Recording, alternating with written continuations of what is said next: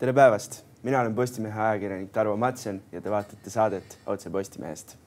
tänases saates vaatame peale haridussüsteemile ja sellele, et mida teha selleks, et õpetajad oleksid õnnelikud. meil on stuudios praegune õpetaja, endine poliitik ja diplomaat Indrek Tarand, tervist. tervist. kõigepealt äh, alustuseks, te olete pidanud igasuguseid ameteid, te olete olnud poliitik, diplomaat, ametnik, muuseumi direktor, mida kõike veel. Rääkige palun, kuidas teist sai ajaloo ja ühiskonnaõpetuse õpetaja? see on mul veres ja geenides, mina tulen suguvõsast, kus on olnud alati koolmeistreid. üheksateistkümnenda sajandi esimesest poolest alates. ja üks neist oli muide üks Pärnu Postimehe esimesi tellijaid. ja niimoodi, et mina olen kuuenda põlvkonna koolmeister. aga kõikidest eelkäinud põlvkondadest erinevalt. On millegipärast nii, et kui tsaarivalitsus andis eh, peenrama ja ulualuse ja, ja Eesti Vabariigi valitsus andis päris eh, peeneid keskküttega ja, ja sooja ja külma veega äh, ametikortereid ja Nõukogude võim hoidis sul vähemalt mingit staatust, et koolmeister oli siiski lugupeetud isik ja ja mitte mingisuguse sotsialistliku suurehituse mudassipleja. aga Eesti Vabariik millegipärast on otsustanud, et tema koolmeistrid peavad töötama õhust armastusest ja missioonitundest.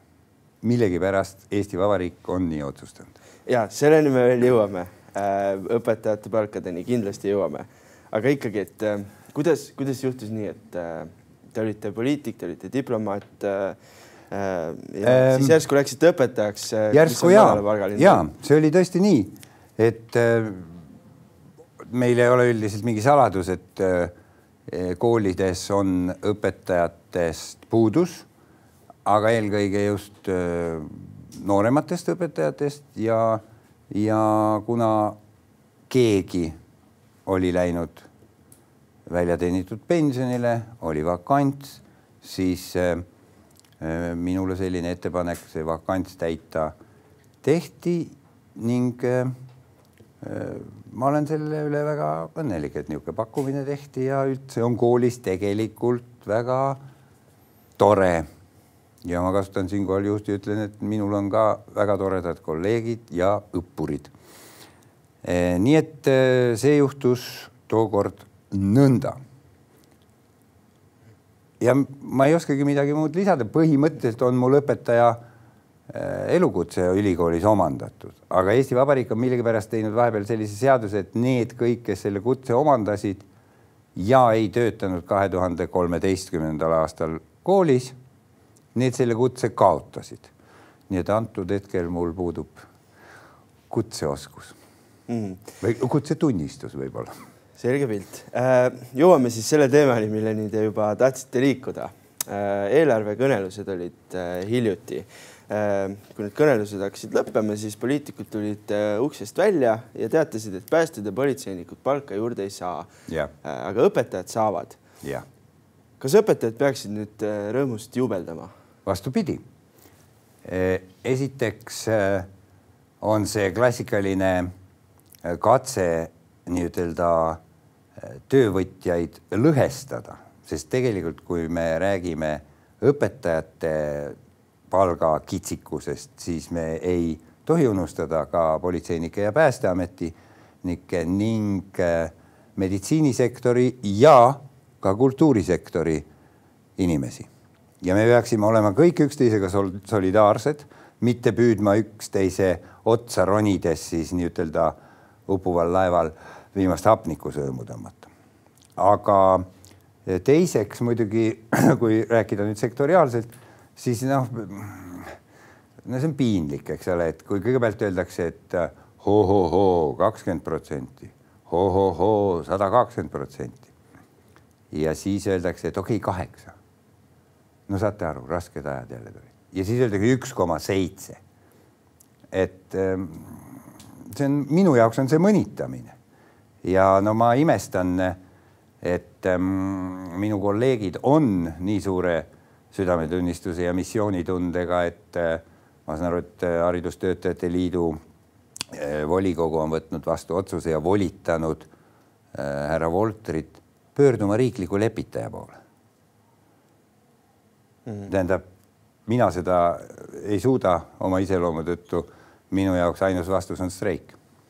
Põhimõtteliselt äh, on selline seis, kus äh, ainsana said palgatõusu õpetajad, aga see palgatõus on nii väike, et äh, lihtsalt see on naeruväärne. vägagi naeruväärne. seepärast ma ütlengi, et see on pigem mõnitamine kui see uudis tuli, te kindlasti koolis arutasite ka kolleegidega asja, et kuidas õpetajad seda vastu võtavad? Mõned stoilise rahuga, nooremad õpetajad muidugi võtavad äh, sellise teabe peale lahti tööportaalid, kus leidub pakkumisi haritud inimestele oma võimeid realiseerida, võib-olla mitte kõige armastatumal töökohal, aga siiski teatud määral otsad kokkutulekut võimaldaval töökohal, nii et jah jutte on igasuguseid, aga ütleme, et äh, ma ei ole veel kedagi äh, kohanud, kes laulaks Hosiannat äh, parteile ja valitsusele, kes on meie eest hoolitsenud jälle. ma, ma küsin isikliku küsimuse. Ähm, te olete ikkagi varasemalt olnud pigem selline kõrgepalgaline ja kõrgepalgalistel töökohtadel tööda, töötanud, et ja. kui palju te praegu õpetajana palka saate ja kuidas teie sellega ära elate? ma ütlen ausalt, ei ela, et ähm, ma olen pidevas kahjumis, minul ei ole täiskoormus ja seetõttu äh, ma saan peaaegu kaheksasada eurot kuus. ja see siis tähendab, et ma annan umbes viisteist tundi, mis on palgaarvestuseks nädalas. nüüd alati, kui poliitikud räägivad kolmeistrite või medõdede või kellegi palgast, siis nemad räägivad brutonumbritest, et kui suur see on, sealt läheb maks maha, tulumaks mm..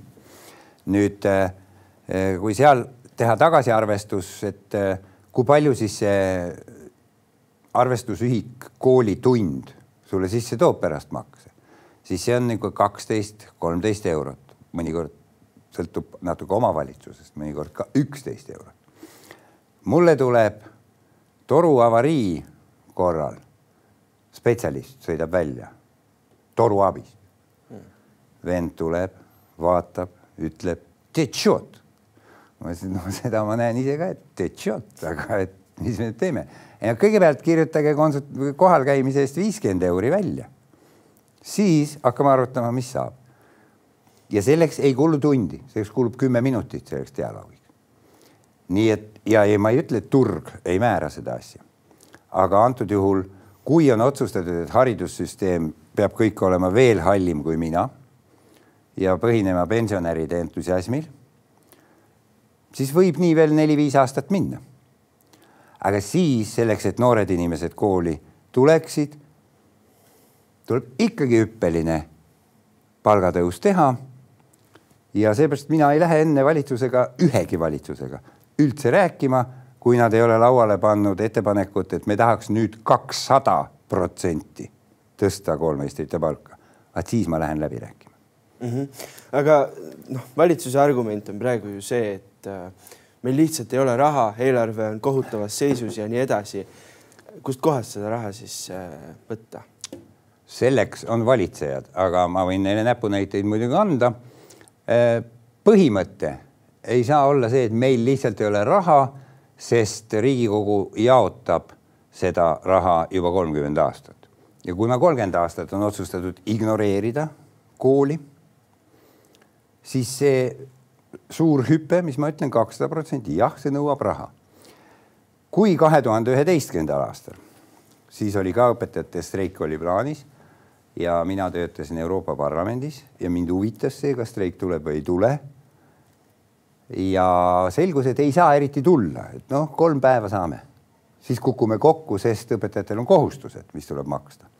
streigifondi ei ole ja ametiühingud on ka nagu halvasti oma rollist aru saanud, sest ametiühingu tugevuse eelduseks on see, et õpetajad saavad streikida, sest neile makstakse saamata jäänud tulu streigifondist kinni. meil seda ei ole. aga mis on streigi mõte? ühe päeva, kaks päeva, see ei huvita kedagi, keegi ei märkagi seda. lastel on lõbus, võib-olla õpetajatel endil on ka lõbus vahelduseks. aga streigi mõte on see, et me jõuame lapsevanemateni ja ma arvan, et visama mõistusega lapsevanemateni jõuame me kolme-nelja kuuga, siis hakkab neile koitma, et meie lapsed on sündinud niisugusel õnnetul aastal, et nad jäävadki haridusest ilma. ja siis tekivad vanemate, lapsevanemate toetusgrupid, kes lähevad oma kanaleid ja ressursse kasutades valitsusele vastu ja Riigikogule ja ütlevad, halloo, me ei taha, et meie lapsed on analfabeedid. Neil on õigus haridusele, te olete isegi pannud kohustuse neile ja palun tehke see asi korda. rahvusvahelised äh, rahaturud on olemas, on olemas kokkuhoiumeetmed, on olemas eelarve prioritiseerimine. me oleme üle prioritiseerinud riigikaitset. jaa, meil on sõda, meil on kõik see asi, absoluutselt on, ma ei eita seda. aga kui me ka kogu Eesti riigieelarve ja ka kogu GDP paneksime eh, nii-ütelda kindralitele, et nad saaksid lahedamatel relvamessidel käia. siis nii ongi. aga lõppkokkuvõttes vajab ka kaitsevägi kirjaoskajaid inimesi mm. -hmm. ma lähen äh, korraks selliseks üldfilosoofiliseks, aga, aga ikkagi, et äh, haridussüsteem Eestis on selline huvitav asi. me igasugustes testides ja tulemustes oleme noh, pidevalt ikkagi esirinnas, võime uhkust tunda, samas äh, õpetajad ei ole rahul, maapiirkondades pannakse koole kinni ja tegelikult ei saa ka mööda sellest, et äh, vaimse tervise probleemid noorte seas on ikkagi tõusuteel olnud. et mida sellest kompotist ikkagi arvata, kas me oleme õigel teel?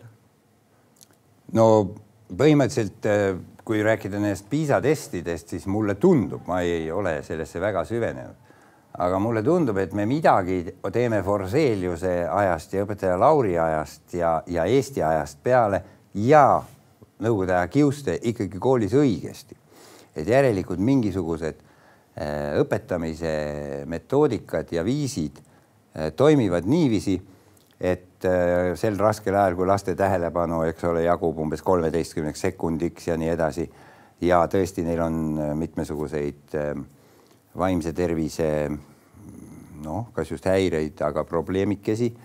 et me saame neid tulemusi. aga hetkel ühel hetkel kõik äh, kaheksakümne aastased koolmeistrid lihtsalt enam ei jaksa. ja ka kuuekümne aastased lähevad pensionile. et äh, siis on see küsimus, et üks, kaks, kolm, neli, kakskümmend noort õpetajat, meil on kirja järgi Eestis kuusteist tuhat koolmeistrit. ma ei ole see inimene, kes ütleb, kas neid on nüüd parasjagu palju või vähe ja ilmselt on meil ka see probleem, et osa koolisüsteemist on veel endiselt no, Nõukogude koolisüsteem, venekeelne lausa mm.. et äh, eks siin nagu äh, nendest veskikividest jala küljes on vaja vabaneda. aga mida me kindlasti õigesti ei tee, on see, et me laseme lihtsalt pedagoogidel otsast välja surra kui kutsel mm.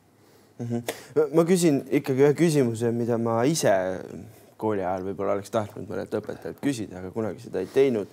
et ähm, mis te arvate, kas äh, needsamad näiteks need vaimse tervise probleemid, et äh, kas, kas me koormame natukene oma õpilasi ka üle kohati, et äh, kodutöid on väga palju, väga palju on, millele peab keskenduma, kõik see, mis ühiskonnas veel toimub sinna lisaks ehm,?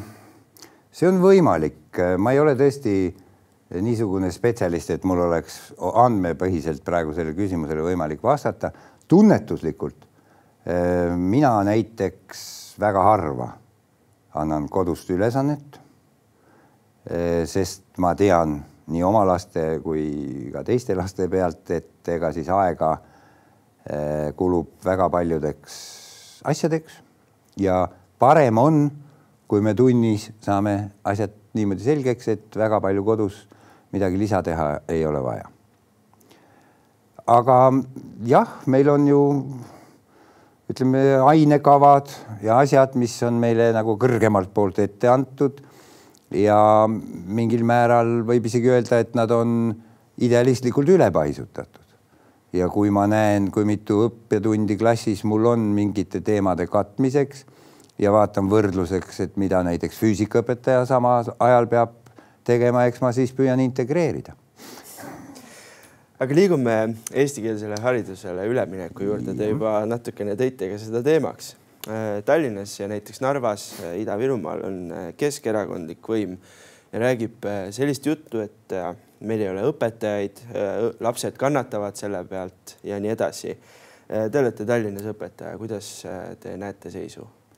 No ma silmanurgast näen ka meie kool on võtnud Ukraina sõjapõgenike lapsi kooli ja tõesti, see on päris pingeline äh, olukord, aga ütleme alates kõige väiksemast kuni kõige suurema Ukraina lapseni teavad väga hästi, et kui nad näiteks mind koridoris näevad kaugelt, siis tulevad eestikeelsed tervitused ja küsimused, kuidas käsi käib ja nii edasi. Aga see on mul kõik nagu hobi korras, mina otseselt nende eest ei vastuta. mis nüüd puutub äh, venekeelset Nõukogude kooli siis äh, see on Keskerakonna karuteene tõesti Eesti ühiskonnale, et ta on kogu aeg seisnud oma parteilise võimubaasi nimel just nimelt selle Soveedi. mul ei tule sõna meelde, asja säilitamisel mm. -hmm. ja, ja nüüd kahjuks on muidugi niimoodi, et, et teatud määral on õige, et ei ole õpetajaid, aga mida me nägime, niipea kui otsustati üks koma viis koefitsient palga tunni andmise tasu maksta. väga paljud õpetajad lendasid kohale, sest nagu näha, üks koma viis on juba päris hea koefitsient, igal juhul palju parem kui üks koma seitse protsendina. Mhm. nii et, et see ilmselt mõjub ja kui on otsustatud, et me järsult ja kiires ajaaknas teeme selle asja ära siis ma arvan, et äh, tuleb veel rohkem raha sinna panna. ja me võime paradoksaalsel kombel olla olukorra ees, kus kõik venekeelsed koolid on täis võimekaid ja töötahtelisi Eesti õpetajaid ja meie oma koolides on niimoodi, et mõni tund jääb ära, sest parasjagu õpetajat ei leia selle palga peale teisisõnu, teie jutust ka kumab natukene ikkagi läbi seda, et äh, meie süsteem ei olegi võib-olla päris valmis, et äh, me, me oleme praegu selle ees, kus meil on otsus tehtud ja siis me hakkame vaatama, et mis siis juhtub võimalik, et saab nii hinnata, aga ma arvan, et, et otsus on praegu tehtud ja see keskerakondlik niisugune taandumislahing, et me ei saa, meil ei ole. Ehm, no see on määratud läbikukkumisele, aga selleks, et mitte vinnutada mingit niisugust mõttetut kaeviku seda, selleks tegelikult oleks jah pidanud Kose või nagu tammi väravad lahti tegema ja raha vee Kosest peale laskma, et eh, siis meil seda muret ei oleks. tõsi eks ka, eks ka Nõukogude tsiviilrände äh, jäänus on ju selline, kes nagu vaimselt tegelikult ei ole valmis eestikeelsele haridusele üle minema, ta ihaleb ikka veel seda äh, russki mirri ja sellist asja. aga ma ise tunde järgi ütlen, et äh, nad on juba kohalikus venelaskonnas mitteoluline vähemus. Nad on kärarikas ja nad teevad midagi aga venelased ise lahendavad meile selle probleemi. samas noh, me ei saa ikkagi päris kõrvale vaadata sellest, et meil on praegu palju noori, kes on üle, üles kasvanud siis nii-öelda venekeelses keskkonnas. Äh, kui koolis hakkab nüüd järsku õpe olema eesti keeles, siis kodus räägitakse ikkagi vene keeles edasi. et ja. Äh, kui nad visatakse niimoodi jääkülma vette, et äh, lihtne kindlasti see olema ei saa. ja aga, aga karastav, karastav. aga kuidas seda kukkumist pehmendada? Äh, ma ei ole kindel, et seda kukkumist peabki pehmendama, seda on pehmendatud kolmkümmend aastat, me oleme siin mingeid pehmosi üles kasvatanud, kes kleebivad endale sildi ja russki. et äh, see on tupiktee. järelikult äh, jah, sekkume, teeme selle lõike, teeme ükskord, ärme seibita koera saba mm. -hmm räägime Ida-Virumaast laiemalt. Te olete kunagi üheksakümnendatel olnud valitsuse eriesindaja Ida-Virumaal. nüüd praegune koalitsioon on kokku leppinud, et sellist esindajat on Ida-Virumaale väga vaja. Praegu ei ole küll teada, on ju, et kes selleks saab, aga kas sellel on üldse vahet, on sellel ametikohal mingi sisuline mõte ja kasu? mina olen algusest peale, kui ma kuulsin sellest veidrast mõttest selle vastu olnud, eh, võib-olla veidi egoistlikul põhimõttel, aga minu ülesanne üheksakümne kolmandal aastal oli teha nii et Narva, Sillamäe ja Kohtla-Järve ei muutu autonoomseks asjaks Eesti Vabariigis, vaid allub põhiseadusele, millest omakorda johtub, et kohalik omavalitsus töötab Eesti riigi seaduste järgi. kui nüüd öelda, et ühes maakonnas on midagi konstitutsiooni välist, sest eriesindajaid ei ole konstitutsioonis kirjas, on omavalitsused, on vaja eriesindaja saata, siis sellega tühistatakse minu kolmekümne aasta tagune töö, öeldakse jah, te saite oma autonoomia. see on üks põhjus. teine, mis ma olen lugenud nendest äh, valitsuse dokumentidest, on see, et see eriesindaja töötab Tallinnas ja töötab Narvas ja tema ülesanne on justkui mingit Euroopa raha äh, Ida-Viru majandusse ja regiooni äh, aidata siseneda. sellisel juhtumil võiks kinni panna selle imeasja, mis moodustati KredExist ja ettevõtluse arendamise sihtasutusest ja mille nimi on ei saa. sest kahte Euroopa raha jagajat ei ole vaja. Kui mingi inimene tegeleb Ida-Viruga istudes kuskil Stenbocki maja riigikantselei mm, äh, kontoriruumis neli päeva ja üks päev käib seal Ida-Virumaal reisil, siis selle mõju on nagu lepatriinu maandumisel elevandi kõrvale. olematu mm. -hmm. aga no selles mõttes äh, see paistab ju siis välja niimoodi, et äh, valitsus paneb kohalikele poliitikutele sellise, ma ei tea, käehoidja või valvekoera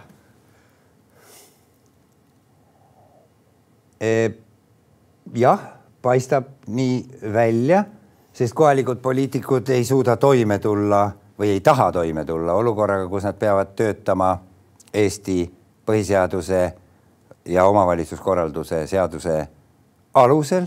Nemad tahavad midagi muud, no küll neil on palju ettekäändeid, et mingisugune punalenduri tänav peab neil olema, seda nad ise muuta ei saa, eks ole Eh, ja no palju asju, aga jah, selles mõttes neil peab olema kubjas seljas.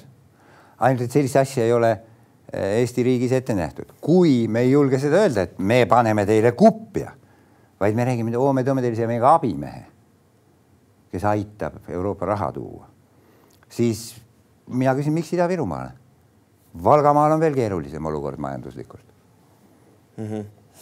ja kui me ütleme, et see on nii-öelda Soveedi pärandi eh, kiiremaks lõpetamiseks vajalik, siis ma tahaks teada, miks Harjumaa Maardu linna ja Ida-Tallinna osas ei pea eriesindaja valitsema. selge äh,.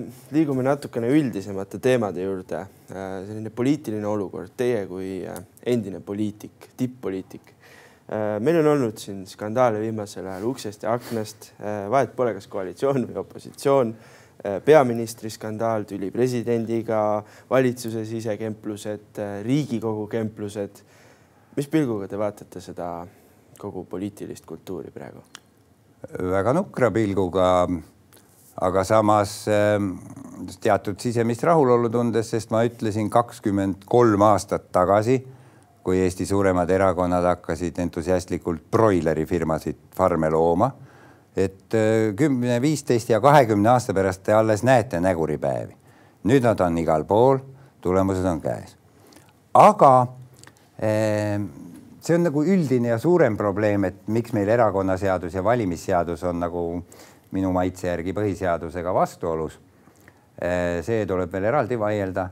Kuid mis oli praegu tore, et äh, Riigikogu hiljuti juhtus vastu võtma äh, otsuse või resolutsiooni ülesande valitsusele, mis koosnes ühest lausest, et palun asuge kiiresti parandama poliitilist kultuuri.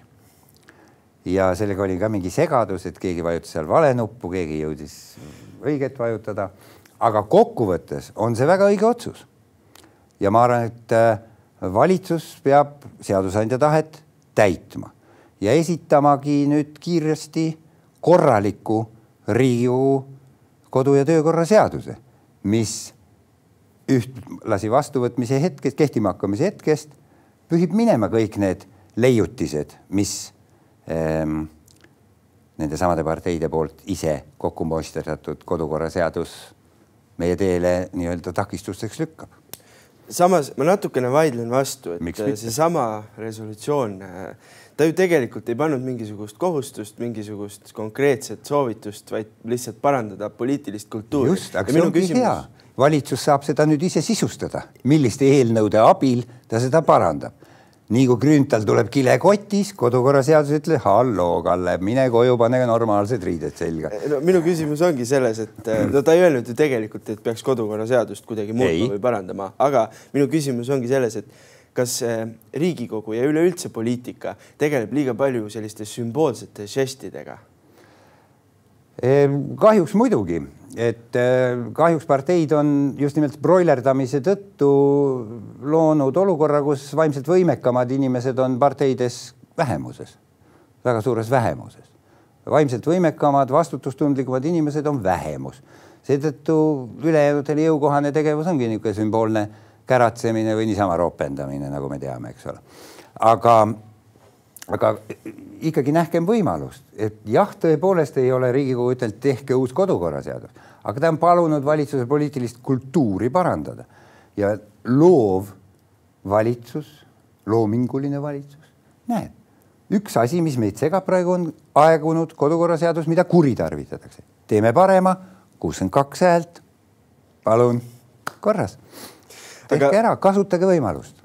No te olete praegu ühiskonnaõpetuse õpetaja, te rääkisite nendest nii-öelda broileri farmidest, et äh, noh, siis on osaliselt vähemalt teie kätes see, et äh, need noored inimesed, kes on koolis ja koolitunnis, äh, omaksid soovi minna poliitikasse kunagi. kuidas siis ikkagi teha selgeks, et poliitika on vajalik ja poliitika ei ole ainult räpane ja nii edasi? selle me teeme õppetundides kaheteistkümnendas klassis küllaltki selgeks ja tulemused on väga head, noored oskavad väga hästi äh, näha äh, ja aru saada keeruliste seoste äh,, jadamõjude ja valikute tegemise ning vastutuse omavahelistest äh, suhetest, ei ole mingit probleemi, aga minu ülesanne koolis on siiski teha ennekõike nii, et noortes tekiks soov hakata koolmeistriks. Parteilane, noh, paljud võib-olla hakkavad, ma ei tea mina nagu otseselt ei saa soovitada noortele, et, et palun hakake maast madalast noorteorganisatsiooni kaudu niinimetatud elukutseliseks poliitikuks.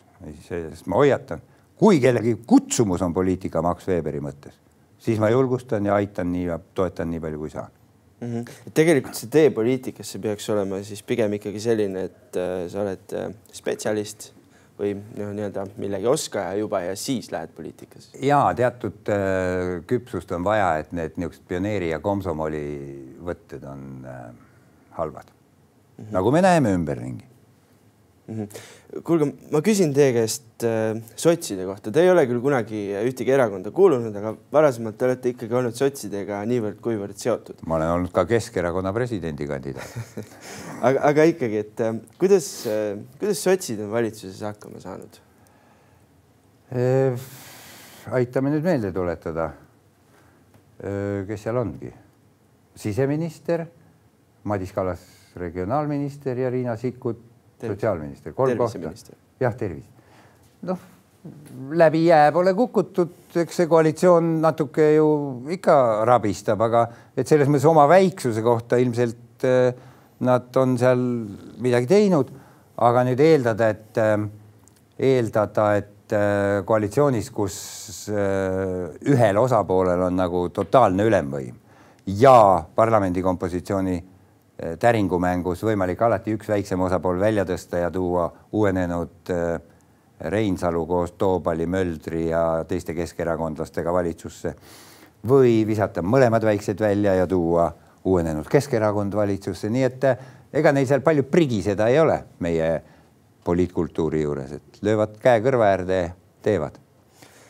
aga Kaja Kallas kuidas tema on hakkama saanud ja kas ta oleks pidanud äh, ikkagi siis tagasi astuma? ja loomulikult äh, ta tagasiastumist oleks saanud vältida ainult sellisel juhul, kui ta oleks kohe ütelnud, oi, minu selja taga on toimunud midagi hirmsat, mida ma ei tea, andke mulle kolm päeva aega, ma teen selle kõik selgeks.